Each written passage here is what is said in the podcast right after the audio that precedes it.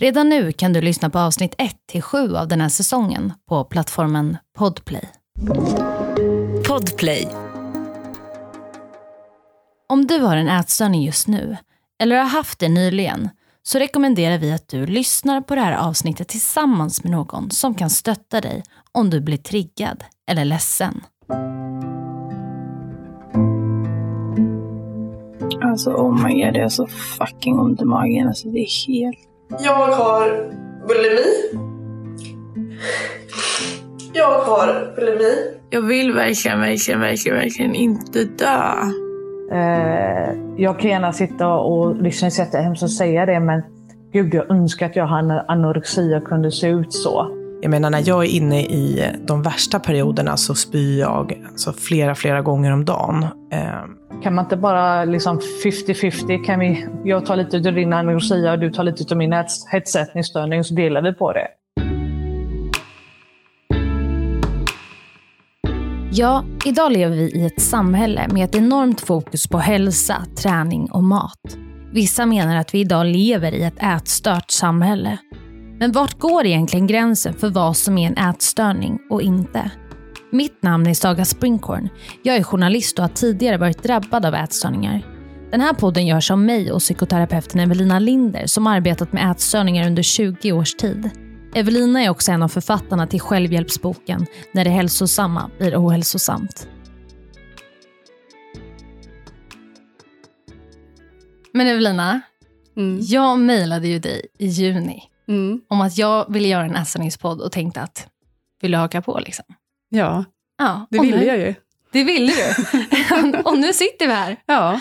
Mm, Men kan inte du berätta lite, vem är du? ja, men jag heter Evelina Linder och jag är socionom, legitimerad psykoterapeut och handledare och lärare i psykoterapi med inriktning KBT.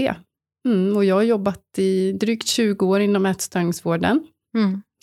Jag har jobbat både inom helningsvården och dagsjukvården och öppenvården och som något som heter vårdkoordinator, men också som Mm. projektledare för att implementera ny, en ny metod i ätstörningsbehandling. Just det. Och du har Mm. också skrivit en bok, Mm. eh, När det hälsosamma blir ohälsosamt. Ja, precis. Och det är en självhjälpsbok vid ätstörningar och den bygger Mm. just på den här evidensbaserade metoden KBTE. Mm. KBT vid ätstörningar. Och den har jag skrivit tillsammans med min kollega Erika Nyman Karlsson.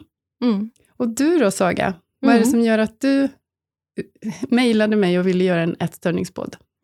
Ja, men det, i grund och botten så är det väl kanske för att jag själv har varit sjuk i flera olika ätstörningar. Mm. Och kanske en kritik att jag tycker att, att den bilden vi har av ätstörningar i samhället och den som media framförallt når ut med är Mm. ganska missvisande.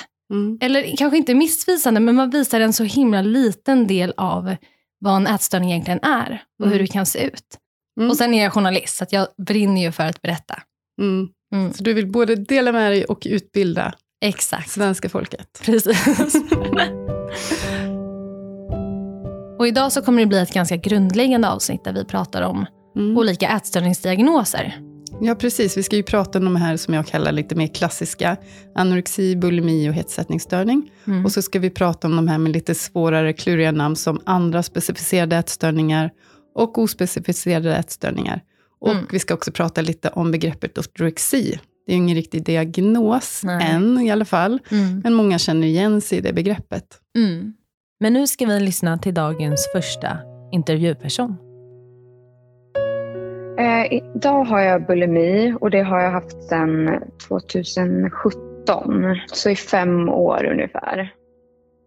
Det här är Amanda, som vi kallar henne i podden.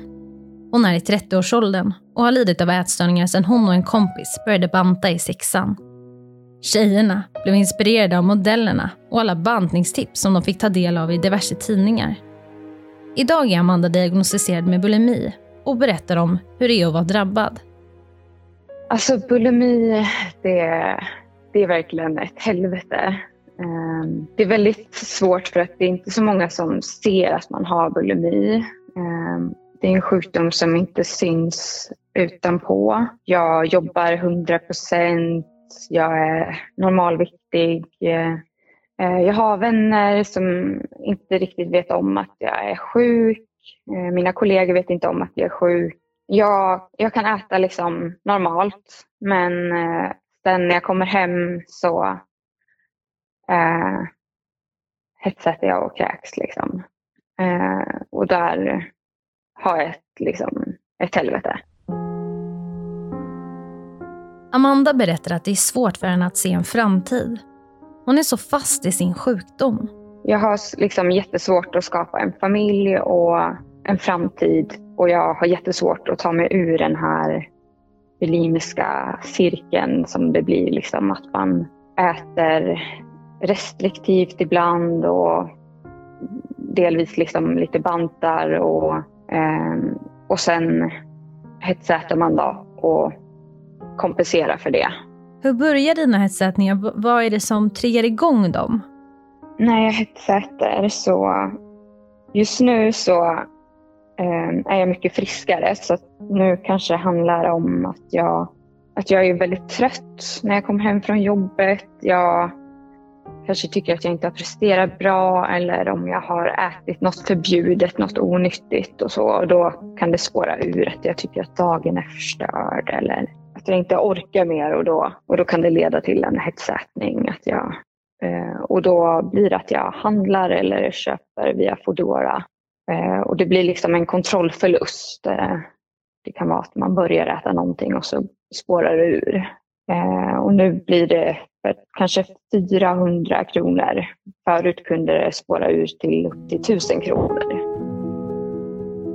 Och jag har ju mått extremt eh, dåligt i min bulimi. Att, eh, jag har ju känt att jag inte velat leva, att jag inte orkat mer.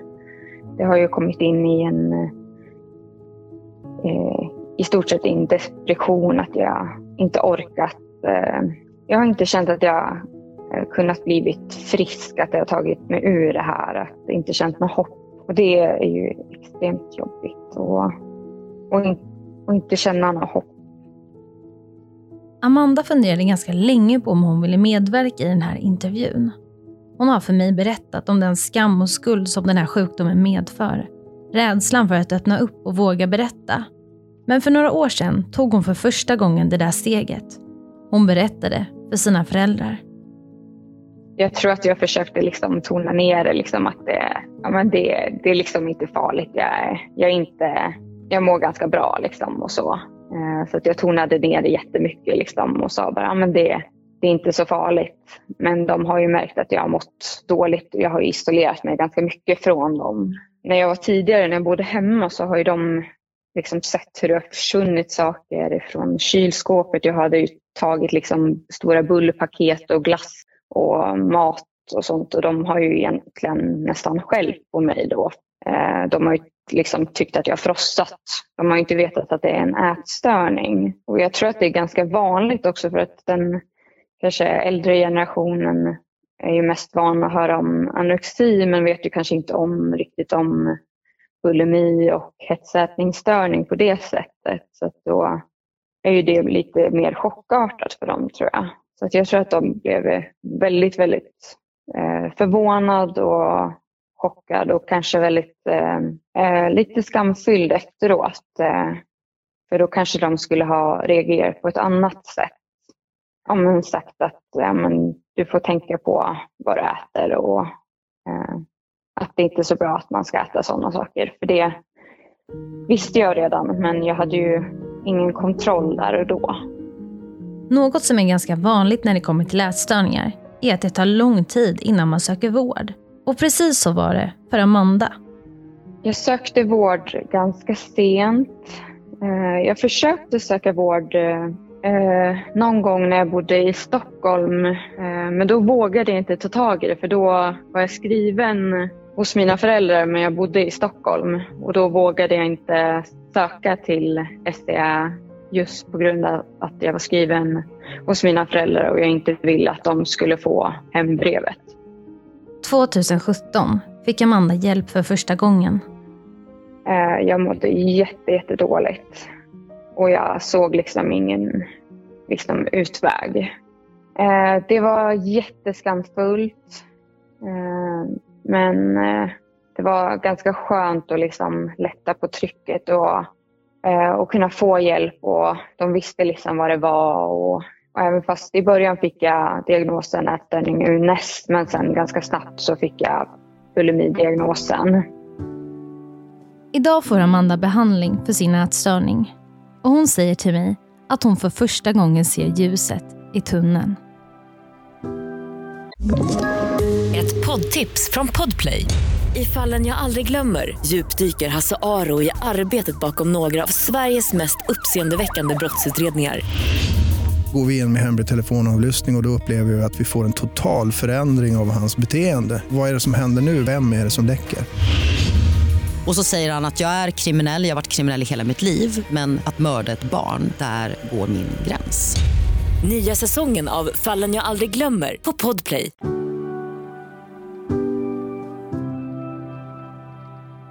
Det är alltid starkt att höra sådana här personliga berättelser, tycker jag. Mm. Eh, och man blir ju berörd och ledsen för hennes skull, att hon har Mm. haft det så jobbigt så länge. Mm. Eh, och jag känner igen, verkligen igen berättelsen. Mm. Eh, känner du igen dig? Ehm, ja, jag har ju varit diagnostiserad med bland annat bulimi. Och eh, jag känner igen den här skammen och skulden och framförallt hetsätningarna. Alltså Mm. det jag har ändå varit diagnostiserad med ganska olik, många olika ätstörningar. Och på något sätt kan jag ändå känna att bulimi var en, den värsta diagnosen. För Mm. att de här hetsätningarna, den skammen och skulden och bara, man kanske bestämmer sig en dag att jag ska inte äta idag. Mm. Och så misslyckas man. Och då bara blir det hetsätning och man kan inte sluta. Mm. Det är, det, det är fruktansvärt. Mm. Så jag, blir, jag känner verkligen igen mig i Mm. hennes berättelse. Mm. Men ska vi, vad är en hetsätning? Det kanske vi ska prata lite om. Mm. Ja, för det, man kan ju uppleva att man hetsätter fast man egentligen inte riktigt gör det. För att om man har bestämt sig för att inte äta alls, som man ofta gör vid en ätstörning, eller Mm. äta väldigt lite, så kan ju även en liten mängd mat upplevas som oj, oj, oj, nu har jag ätit mer än vad jag tänkt och det känns som en, en eh, hetsättning. Mm. Det brukar man kalla för subjektiv hetsättning. Okej. Men en objektiv hetsättning, det är att man äter en mycket större mängd mat än vad som är rimligt vid det här tillfället. Och Mm. ofta då också att under en kortare tid än vad som är rimligt. Eh, och att man upplever att man tappar kontrollen över ätandet. Mm. Och sen om vi pratar om kompensation då. Mm. För det är ju, eller du kanske ska förklara det. Ja, kompensation, det betyder ju då att man har hetsätit och sen vill kompensera för det på något sätt. Mm. Och då, det vanligaste som illustreras i media är ju kräkningar. Att man Nej, ser alltså. någon som sitter framför en toalett och kräks. Absolut. Och när jag blev diagnostiserad, jag bara, vadå jag kräks inte, jag, jag har inte bulimi. Mm, precis, och Mm. det är faktiskt inte så, så vanligt längre att man just kräks, utan det- är ännu vanligare att man kompenserar genom att träna överdrivet efteråt, Mm. eller röra på sig långa promenader till exempel. Men det är också, en del använder ju diuretika eller laxermedel. Just det. Det, Mm. det har ju egentligen ingen effekt. På, på kalorimängden eller energimängden man har fått i sig, men det känns så. Ja. Eh, och sen så, många kompenserar också genom att äta mindre eller fasta. Just det. Mm. Så det är väl bra att känna till att, att bulimi behöver inte bara handla om hetsätning kopplat till kräkning, Nej. utan andra kompensatoriska beteenden. Ja, men precis. För annars kanske många missar att man själv har en ätstörning, eller Mm. man missar att en anhörig har en ätstörning, eller inom vården, att man faktiskt inte ser att den här personen har en allvarlig ätstörning, för man kanske bara frågar efter kräkning just. Mm. Och så missar någon att få vård därför. Eh, det första är ju skam. Mm. Att man gör det även i smyg. Det här är Therese. Hon är 32 år gammal och lider av hetsätningsstörning. Jag är ju den som helst, eh, jag har ju gömt eh, proteinbars framförallt i troslådan, Mm. i eh, olika ställen skafferiet eller i klädkammaren, bilen. Där jag känner att eh, där kan jag liksom ta i akuta fall. Mm. Sen är det liksom att man kan hetsäta när man är... Eh, jag har ju ADHD också, så allting går ju på mycket på in, impulsivitet också. Mm. Men framförallt sen man var barn. Alltså man, man tröstar sig själv med mycket mat. Eh, för min del har det aldrig varit socker. Det är ju nu på de senaste åren när man har fått barn och man sover dåligt och liksom man är utmattad. Och det, då har hetsätningen blivit eh, mycket, mycket värre. Mm. till exempel igår på kvällen, då kommer den här akuta tröttheten, ångesten kommer krypandes ensam hemma. fanns inget att äta, utan då tryckte jag i mig 200 gram bakchoklad på fyra minuter. Alltså nej, men man tar det här chokladpappret och så gömmer man det i hushållspapper och trycker ner det längst ner i soppåsen och hoppas på att ingen ska se det. Therese är kostrådgivare och personlig tränare. Hon vill att jag berättar det för er som lyssnar. Hon säger att hon vet hur man ska äta. Men det spelar ju ingen roll, för hon är sjuk i en ätstörning. Efter flera år som sjuk bestämde sig Therese för att vara öppen med sin problematik på sociala medier. Men hon upplever att det är många som inte förstår det lidandet som hon faktiskt lever med. Inte minst hennes man. Men han förstår inte riktigt. Han ska känna liksom när man berättar. Om jag inte berättar att jag har haft en hetsätningsdag så känns det som att man är otrogen, att man går runt och, och döljer någonting. Och då får jag ångest av att jag döljer det, så då berättar jag liksom att fan, jag har ätit det här och det här och det här. Och då kan han säga, men vad fan, lägg av nu, nu räcker det liksom. Och då blir man som ett nedtryckt litet barn. Men jag har i alla fall fått erkänna det. Det går ju stunder där jag säger till min man att nej, nu vill jag att du, eh, jag vill att du bromsar mig nu. För nu är jag inne i en period där jag måste faktiskt gå ner i vikt, för jag har gått upp jättemycket i vikt. Och eh, då vill jag att du säger det på ett fint sätt. Sitter vi med barnen, ja men sparka mig på benet under bordet eller säg det på ett fint sätt. Men vissa dagar skiter man i det. Man har sån ångest så man vet inte varför man har det. Hur blir hetsätningarna? Är det liksom ett sätt att dämpa ångesten? Eller hur känns det för dig när du hetsäter? Det är jättesvårt att sätta fingret på det. Allt går ju så jävla fort.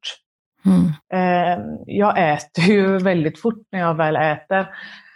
Så det jag hinner inte tänka förrän typ den sista biten är svald, typ sån här bakchokladen på 200 gram på fyra minuter. Mm. Och känner man, var det värt det här? Jag njöt ju inte ens av de här fyra minuterna, utan det var ju bara någonting för att proppa i mig. Det är, jätte, det är jättesvårt att sätta finger på och förklara hur det känns. Men efteråt så i alla fall jag, eh, mycket skam, mycket ångest. Vill gärna gå in och duscha och skrubba kroppen för att jag känner mig så smutsig. Nej men det är så man känner att, äh, men imorgon då, då blir det en ny kula. Men så kommer det där igen, ångesten, barnen bråkar, man blir utmattad psykiskt eller fysiskt, man är stressad. Och då kommer det liksom att man bara vill trycka i sig. Eh, det är så mycket som påverkar just hetsätningsstörning. När jag var ungdom så var jag, jag var jättetjock. Då testade jag liksom stoppa fingrarna i halsen, men det känns så hemskt att säga, men det var inte min grej. Det tråkigaste är ju att det här är hysch-hysch, att det är pinsamt. Sen har jag faktiskt fått, fått kontakt med några män som också har hetsätningsstörning, men de har inte berättat det för någon. Mm. Varför tror du att det är sån skam och skuld som ligger i, det, i den här sjukdomen? Jag tror ju mest för att de som oftast lider av en svår hetsätningsstörning kan vara överviktiga. Mm. Eh, och när man är överviktig så är det oftast skam över hur och vad man äter, vad tycker andra, hur ser jag ut? Och då vill man inte berätta det, för det är så mycket annat som händer i kroppen. Det är inte bara att jag är hungrig nu äter jag, utan det är så jävla mycket psykiskt. Jag frågar Therese hur hon upplever bemötandet inom vården när det kommer till hennes hetsätningsstörning. Jag har ju även ADHD och då sa de att ja, men ADHD-medicinen hjälper dig. Okay. Men det har den ju den inte gjort. Men jag känner att eh, sjukvården eh, tar inte hetsätningsstörning på allvar. Det är väldigt svårt att komma in mm, för att få hjälp just om hetsätningsstörning om du inte är tillräckligt, alltså du menar jag sjuklig fetma. Det är det som jag blir så ledsen över också, säger till läkarna att det är så hemskt att man ska behöva gå, nå botten innan man får hjälp. Jag vill bli uppfångad nu, när jag känner av det själv. Liksom. Fånga upp mig nu innan det är för sent.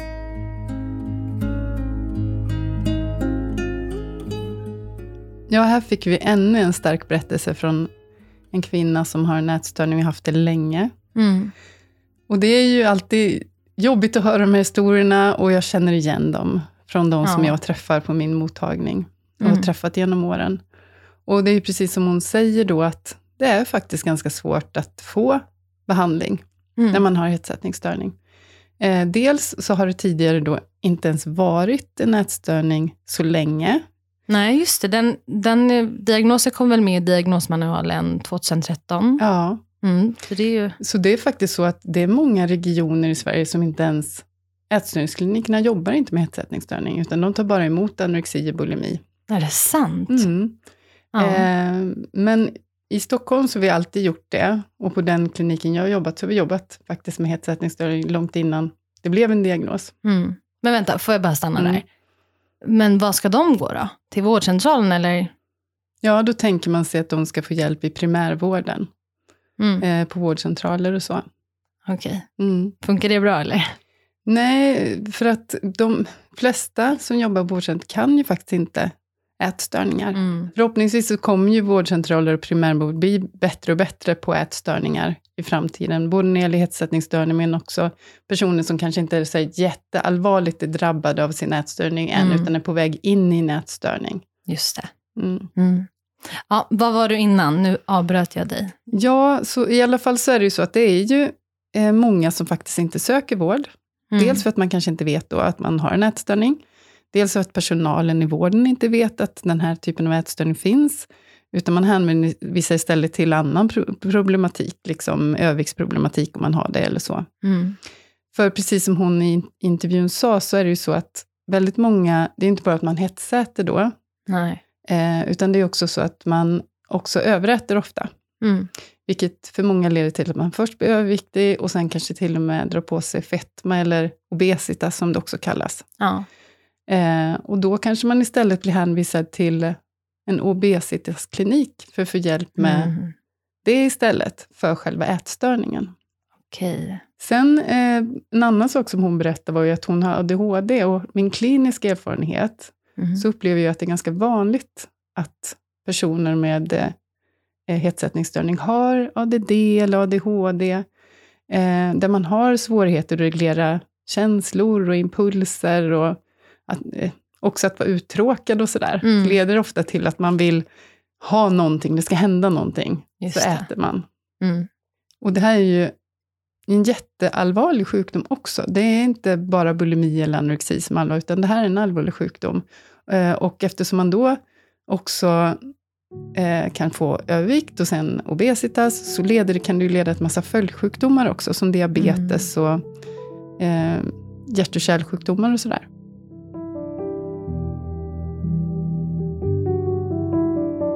Jag ringde upp Stina. Stina är 22 år gammal och har varit sjuk i ätstörningar sedan hon var 17. Stina berättar om hur allting började.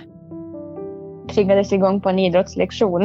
Vi Okej. såg på någon film och vi bestämde oss några stycken i klassen att nu ska vi testa att sluta äta socker under en period. Men för mig så, jag kunde inte sluta sen när perioden var över och jag var liksom mer och mer besatt och det slutade med att jag utvecklade ortorexi. Och sen så då hade jag ju det ja, ganska bra, eller ja, ett år kanske innan det började släppa. Jag vet inte riktigt vad det var som gjorde det, men jag tog mig ur det själv. Alltså jag var ju ganska i förnekelse. Jag visste ju inte själv om att jag hade det liksom.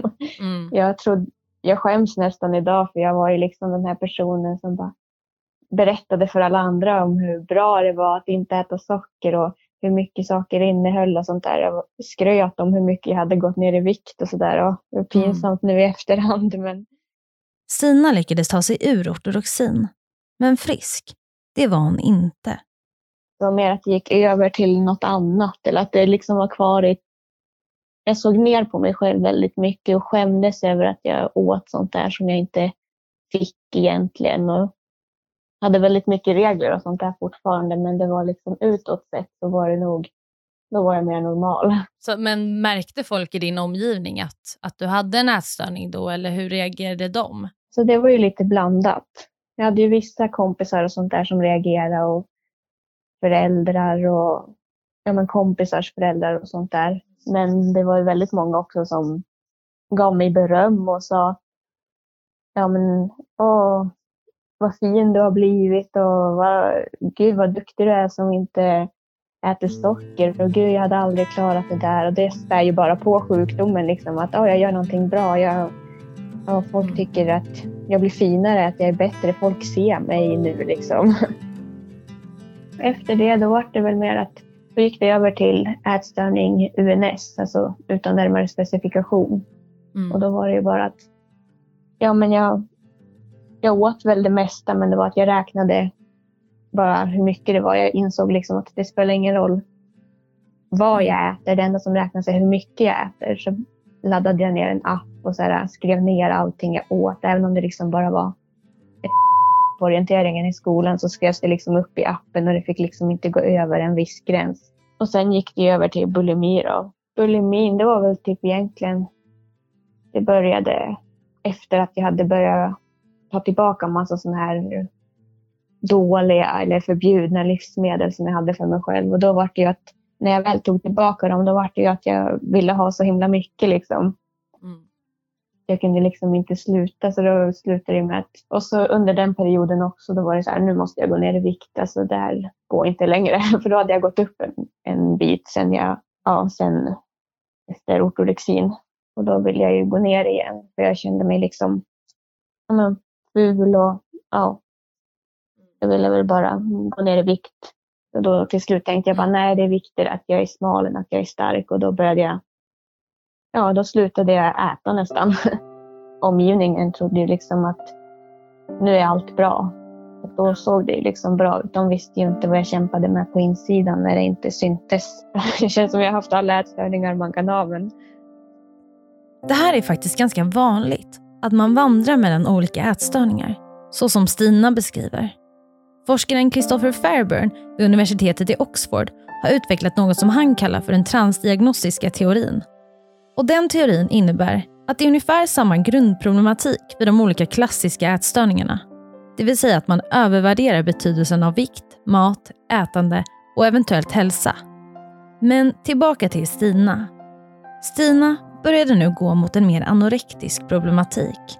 Något som hon dolde för omgivningen.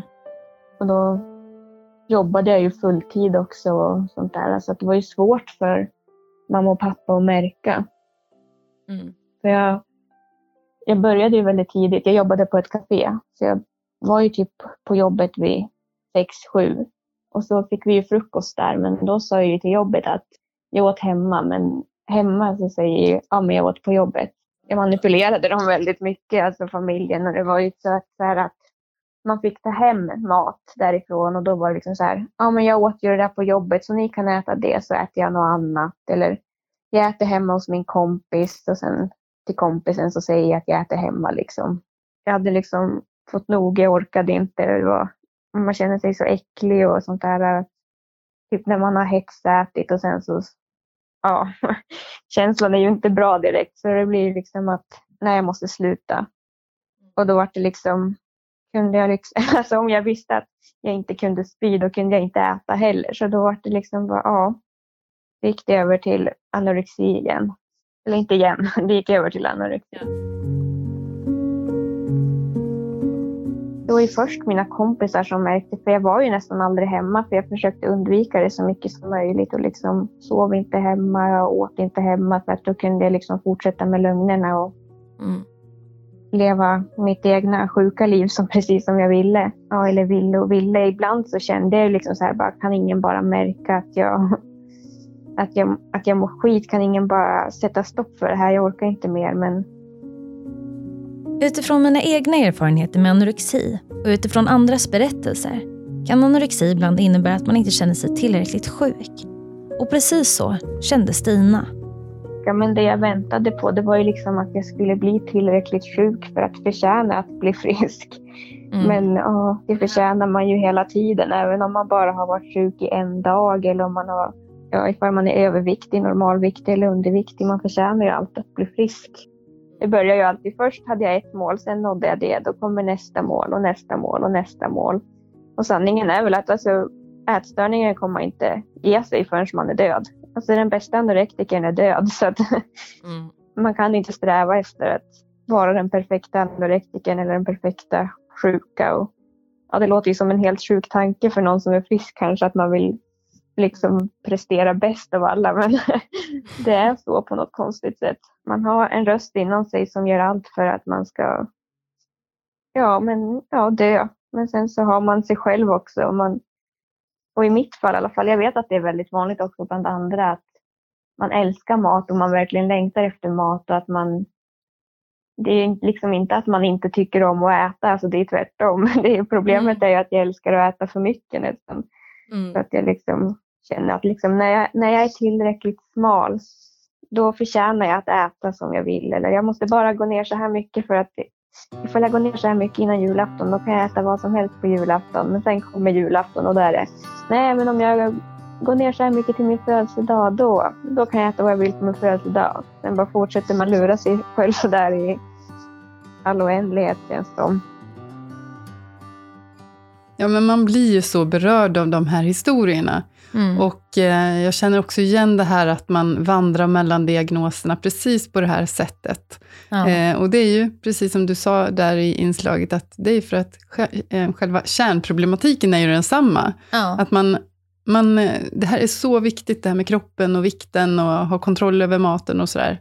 Ja. Så att det driver, det spelar ingen roll vilken av ätstörningarna det är, utan grundproblemet är detsamma. Mm, och det tycker jag också blir väldigt tydligt när man lyssnar på de här berättelserna, att, att det är ett, ett liknande lidande. Mm. Som man kanske inte heller så ofta pratar om, att så här, fasiken, det här är ett psykiskt lidande för alla som har en ätstörning. Ja, mm. verkligen. Mm. Men vi fick ju höra lite om, om en period med ortorexi som Sina hade. Um, ja, hur ska man liksom förklara ortorexi? Ja, ortorexi, den finns ju inte, men det finns ju en diagnosmanual som heter DSM-5. Mm där de här diagnoserna är beskrivna. Och ortorexi finns inte med i den. Nej. Men det finns planer på att kanske få med den i framtiden. Mm. Men i ortorexi så är det egentligen inte att man... På, man, man förändrar inte ätandet eh, för att påverka kroppen och vikten egentligen från början, utan det är snarare att man tänker att man vill ha en kvalitet på maten. Mm. Man vill äta rent, man vill äta hälsosamt. Ja. Eh, vilket gör att man kanske då blir rädd för viss mat, så att man Just börjar utesluta så mycket mat, så att det till slut blir att man kan äta för få livsmedel, som gör att man kanske får näringsbrist, och hamnar i svält, och går ner i vikt. Mm. Så liksom de andra ätstörningarna egentligen, så är det en väldigt allvarlig ja, sjukdom också. Kan man säga sjukdom, fast inte ja. en diagnos? Mm. Ja. Och det kan ju ofta då leda till anorexi, eller någon av de andra ätstörningsdiagnoserna. Mm.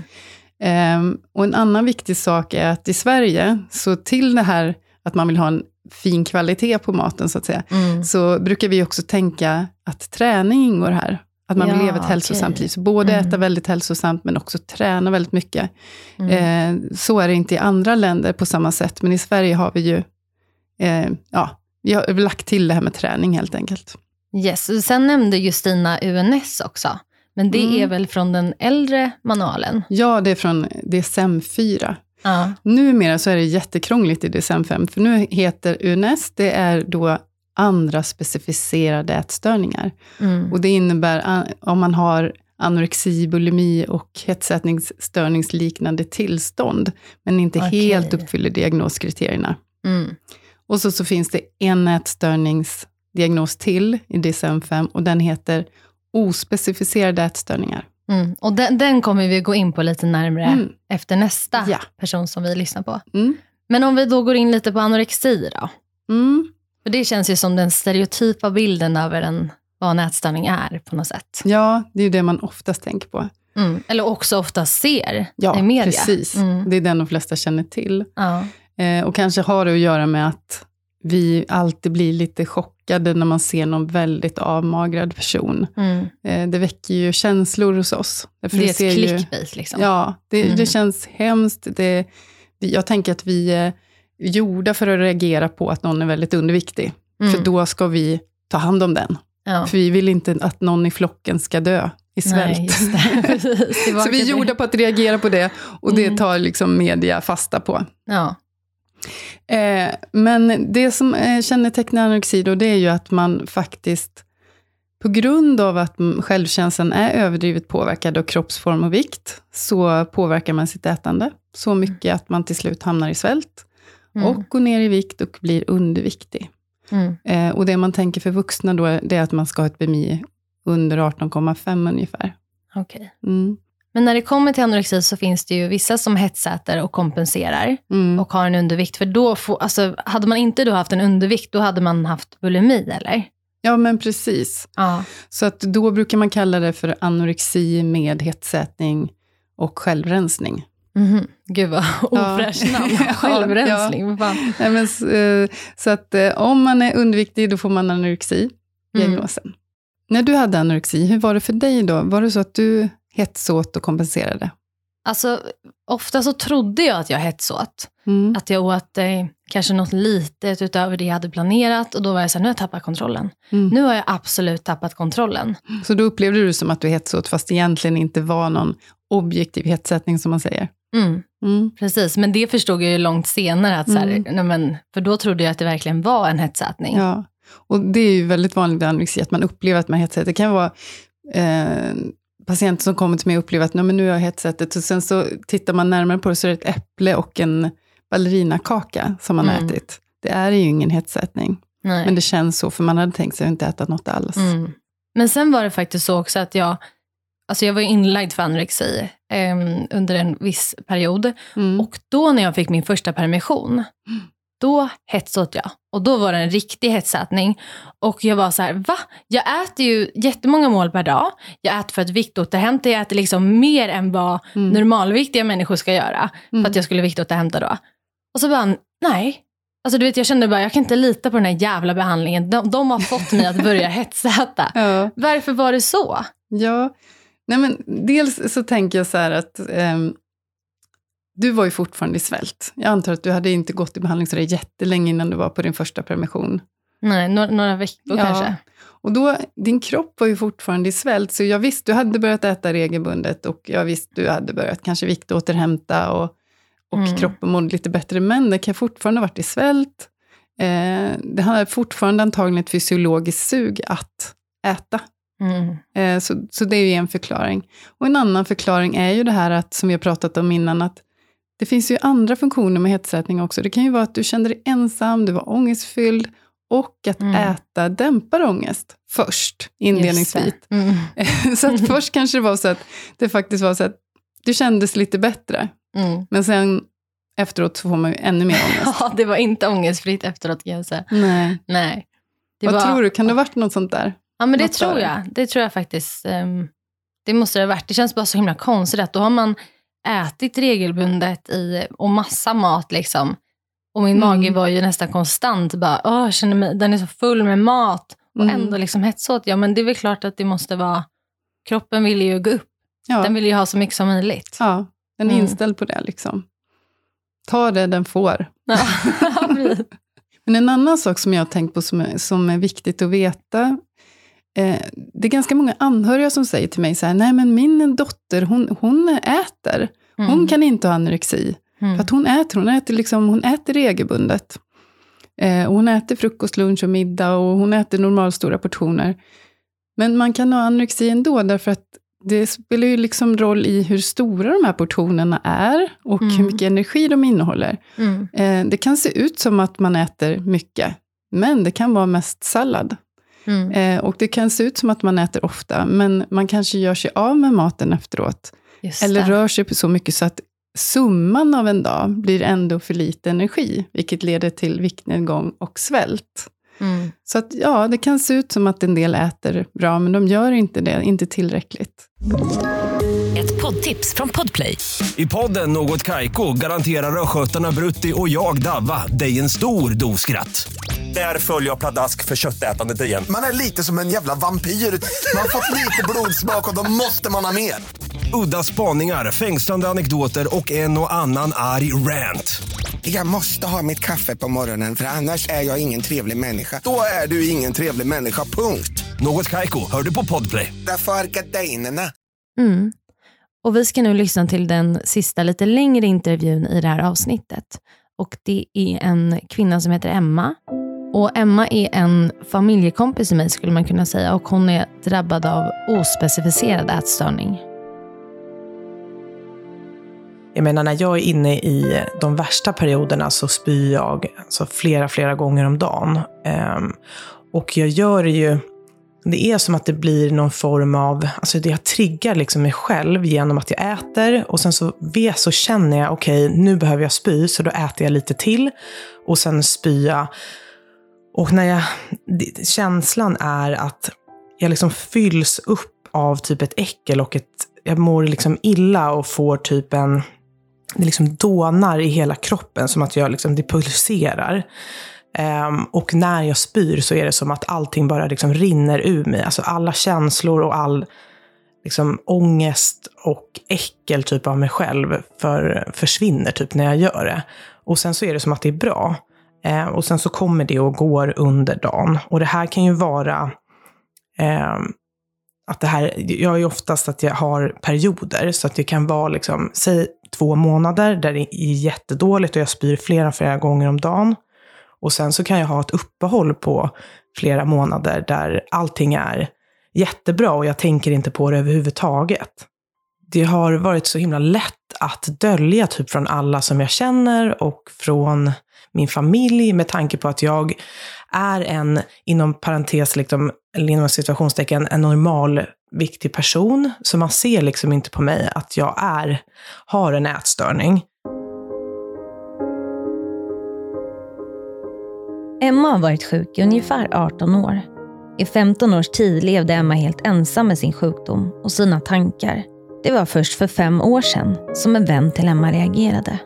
Jag har ju haft det här sedan jag var kanske 12-13 år.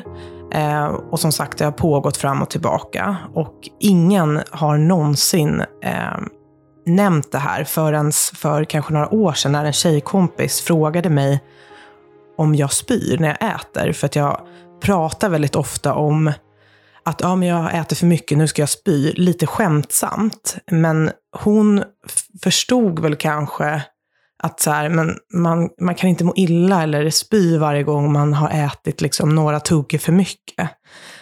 Um, och det var väl då som jag kände att så här, okej, okay, jag kanske ska säga någonting nu. Och kände väl att jag var också inne i en dålig period och kände att man måste typ dela det här med någon. Ehm, så då valde jag faktiskt att berätta för henne. Ehm, och till en början blev hon faktiskt arg på mig. Eller hon, jag tror att hon blev jag tror inte hon riktigt visste hur hon skulle hantera situationen för att det blev så himla starkt. Ehm, sen så pratade vi om det och... Eh, Med tiden kunde vännen och Emma prata om ätstörningen öppet och ärligt. Vännen såg till att Emma fyllde i en egenanmälan från en ätstörningsenhet. Men det tog ett tag innan Emma vågade ta det där steget. Att våga be om hjälp och skicka in sin egenanmälan jag ville ta tag i det, men samtidigt så är det typ som, att spy för mig är typ som en snuttefilt. Alltså det är någon typ av, det låter jättemärkligt, men det är, det är någon form av trygghet i att man liksom kan få ut den här ångesten och de här känslorna genom att spy. För att annars måste jag på något sätt ta hand om det på något, på något annat sätt och det känns, eller har känts väldigt läskigt. Idag får Emma hjälp på en ätstörningsenhet och kämpar för att få ett friskt och fritt liv. När Emma och jag avslutat intervjun så fortsätter vi att prata. Och ovetandes rullar inspelningen på i bakgrunden. Och när jag lyssnade på det här materialet i efterhand så kände jag att jag verkligen ville dela med mig av det här till er som lyssnar. Det är starkt, äkta och ärligt. Och givetvis har jag fått Emmas godkännande. Nej, Nej 18 år 18 år. Mm. 18 år. Oj, det är så jävla sjukt alltså när man tänker på det så. Mm. Du... Usch vad hemskt alltså. Det går att bli frisk. Alltså, Gud, jag börjar gråta. Men det är okej. Ja. Jag är typ också det. Det är så jävla vidrigt med de här jävla sjukdomarna. Men det går verkligen att bli frisk alltså. Ja, men jag säger också det för att det går för dig också att komma ut det här, ur det här. Det gör det. Det kommer vara en jävla kamp för dig. Alltså det enda jag tänker på är, du vet när man ska få barn mm. och att man, alltså när man ska vara gravid, man kan ju inte hålla på och spy då liksom. Och, alltså det är ju inget bra liksom. Mm. det är du vet sådana där grejer, man måste verkligen bli det innan man liksom vill skaffa barn och du vet så här, min mamma var ju alltid så här, åh jag är så tjock och du vet hela tiden Mm. när vi har växt upp. Jag tror att det påverkar så mycket hur man är. Alltså, Mm. man inte sett det liksom hjärnspöken i sina barn och Mm. folk runt omkring. Liksom. Men det är så sjukt för att jag, jag blev så, alltså du vet, jag kunde bli triggad av dig. Alltså, Mm. och så här, du var, jag vet ju hur sjuk du var men det är så Men, och konstigt. jag tycker att, du är lika sjuk. Det är bara när det är synligt så Jo, tycker jag, jag "Oj, vet. vad- ja. Jag vet. Men det är fortfarande så himla konstigt att man kan säga, jag vet hur dåligt du har mått och liksom hur, alltså hur liksom påverkat, alltså hur mycket det här har styrt ditt liv. Men Mm. ändå så är det så här, jag vet det. Alltså, det är så här, den friska Emma, alltså som Mm. är, för jag är inte bara liksom, man är inte bara sin ätstörning. Nej, det är man inte. Men det är så sjukt att så här, man har liksom det perspektivet. Mm. Men ändå så gör man så här mot sig själv. Det är så jävla sjukt alltså. Ja. Jo, men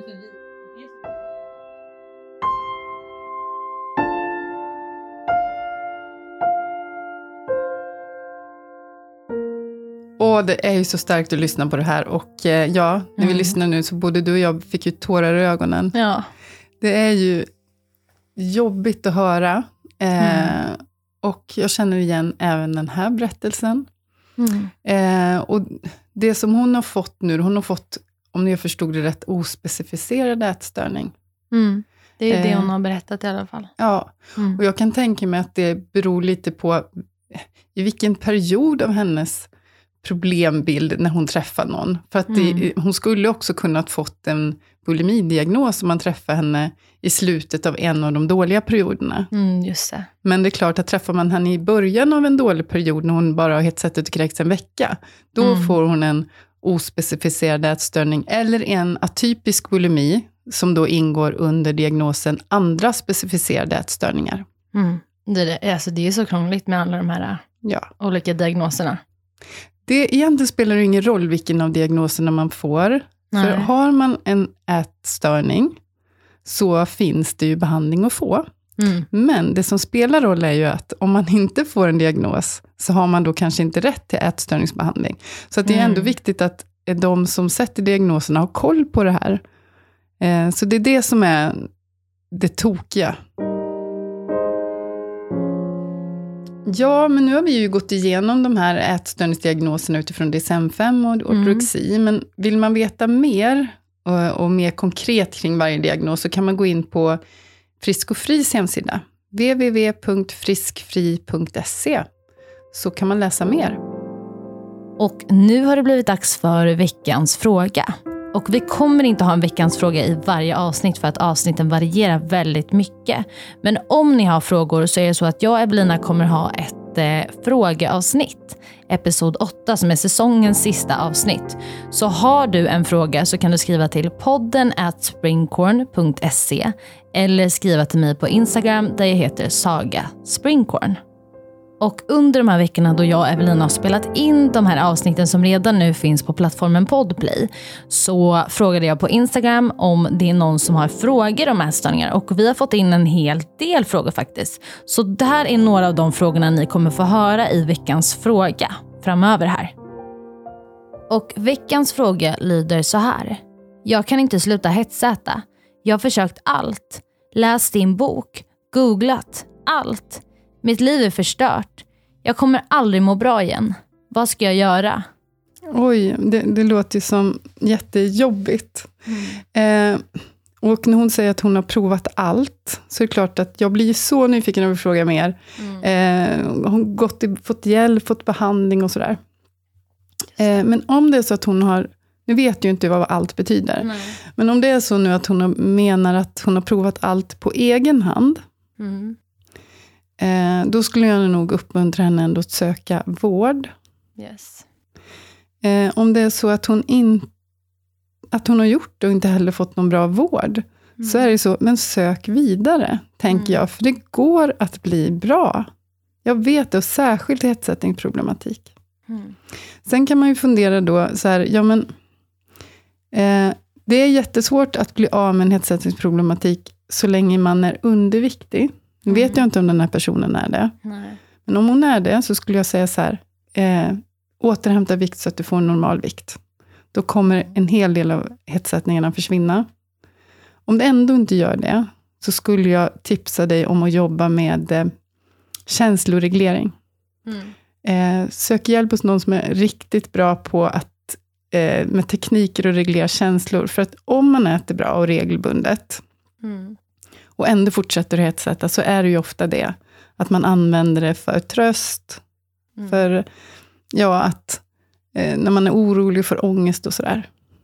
Så det är väl det egentligen som jag kan tipsa om.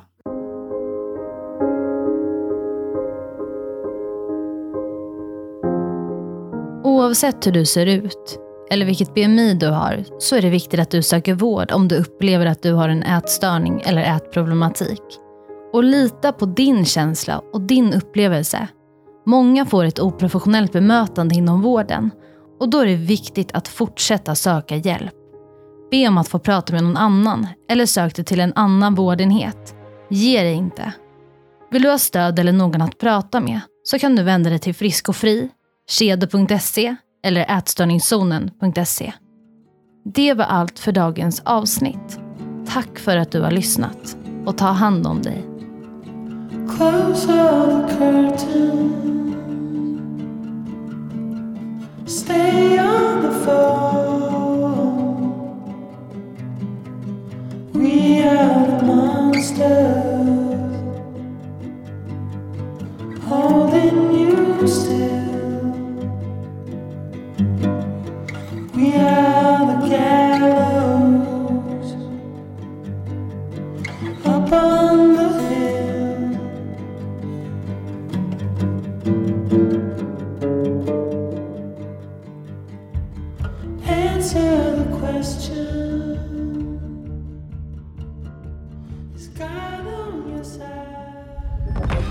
Podplay, en del av Power Media. Ett poddtips från Podplay. I fallen jag aldrig glömmer djupdyker Hasse Aro i arbetet bakom några av Sveriges mest uppseendeväckande brottsutredningar. Går vi in med hemlig telefonavlyssning och, och då upplever vi att vi får en total förändring av hans beteende. Vad är det som händer nu? Vem är det som läcker? Och så säger han att jag är kriminell, jag har varit kriminell i hela mitt liv men att mörda ett barn, där går min gräns. Nya säsongen av Fallen jag aldrig glömmer på Podplay.